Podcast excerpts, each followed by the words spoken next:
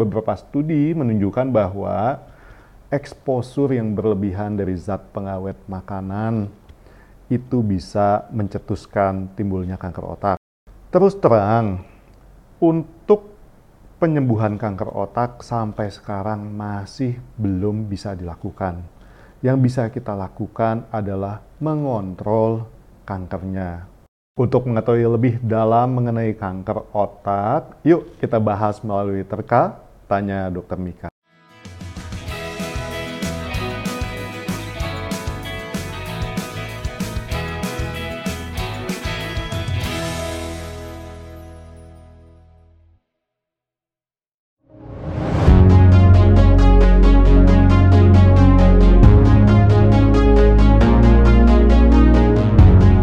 Hai sahabat Mika, salam sehat untuk kita semua. Saya Dr. Marjono Cahyadi, spesialis bedah saraf PhD sebagai dokter spesialis bedah saraf Mitra Keluarga Kelapa Gading. Sebelumnya kami sudah membuka kolom pertanyaan di Instagram Story at Mitra Keluarga dan sudah terkumpul beberapa pertanyaan menarik yang akan saya jawab. Pertanyaan pertama datang dari Ra underscore 4722 Gejala awal kanker otak itu apa aja dok? Gejala kanker otak. Nomor satu yang paling sering adalah sakit kepala, ya. Tapi tidak semua sakit kepala. Sakit kepala karena kanker otak ataupun tumor otak itu khas. Ada empat kriteria yang khas. Yang pertama adalah dia harus sudah berlangsung lama. Itu yang pertama, ya. Artinya sudah berlangsung beberapa bulan dan terus-menerus sakit yang kedua adalah sifatnya progresif, artinya makin ke sini makin bertambah berat, baik frekuensinya yang bertambah ataupun intensitasnya yang bertambah. Yang ketiga, sifat sakit kepalanya itu seperti menekan, jadi seperti ada tekanan di dalam kepala. Dan yang keempat, ada karakteristik tertentu, yaitu sakit pada saat berbaring, sakit pada saat bangun tidur pagi-pagi atau sakit pada saat posisi yang di mana kepala lebih di bawah dibandingkan organ tubuh lainnya.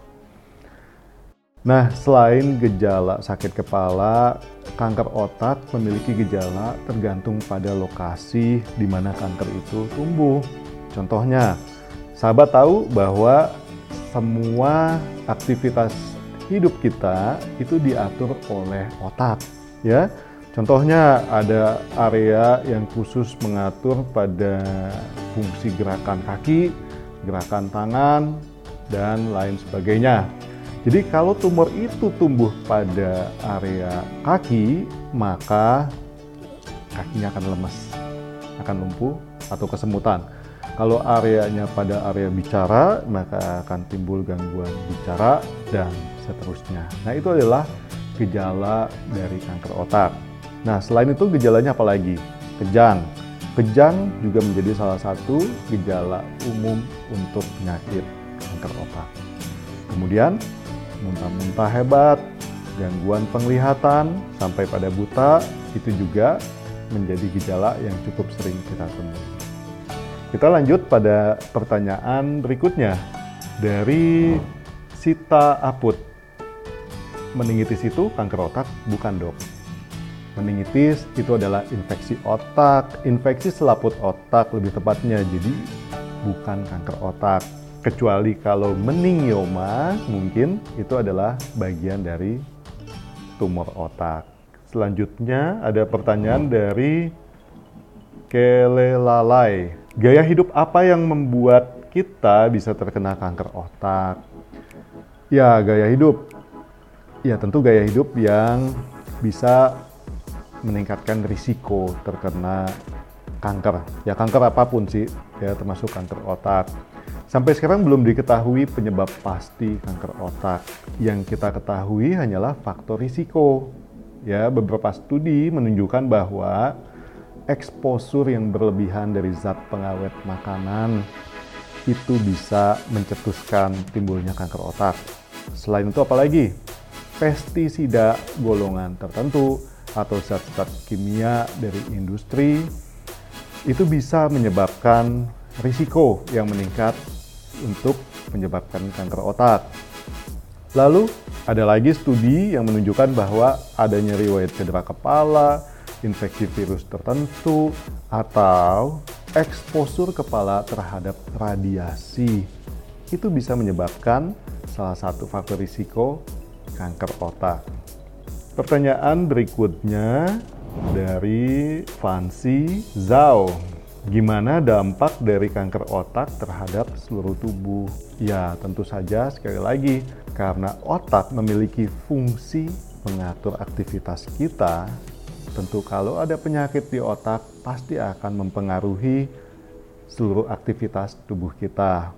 Ya, contohnya ya tadi kalau misalnya tumor otaknya di dekat area mata misalnya penglihatan menjadi terganggu, rabun, ya tentu sahabat akan terganggu aktivitasnya karena matanya tidak jelas melihat lagi.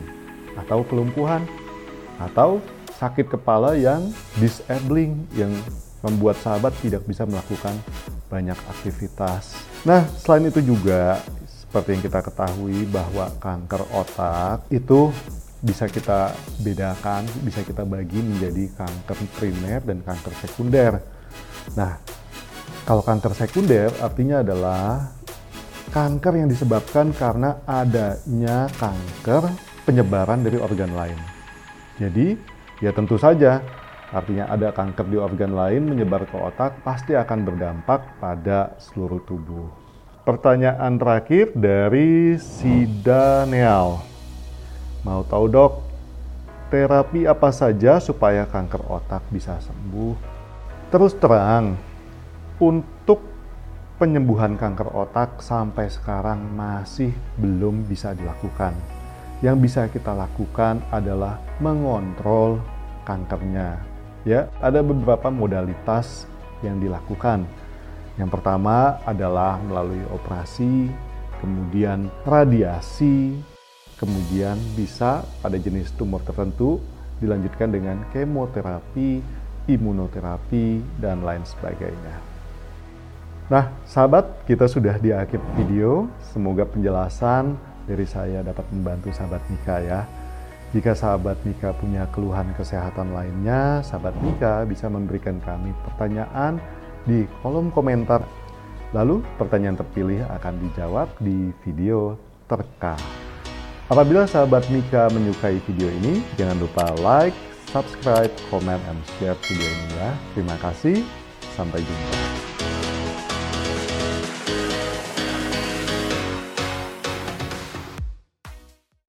Mitra Keluarga, Life, Love, Laughter.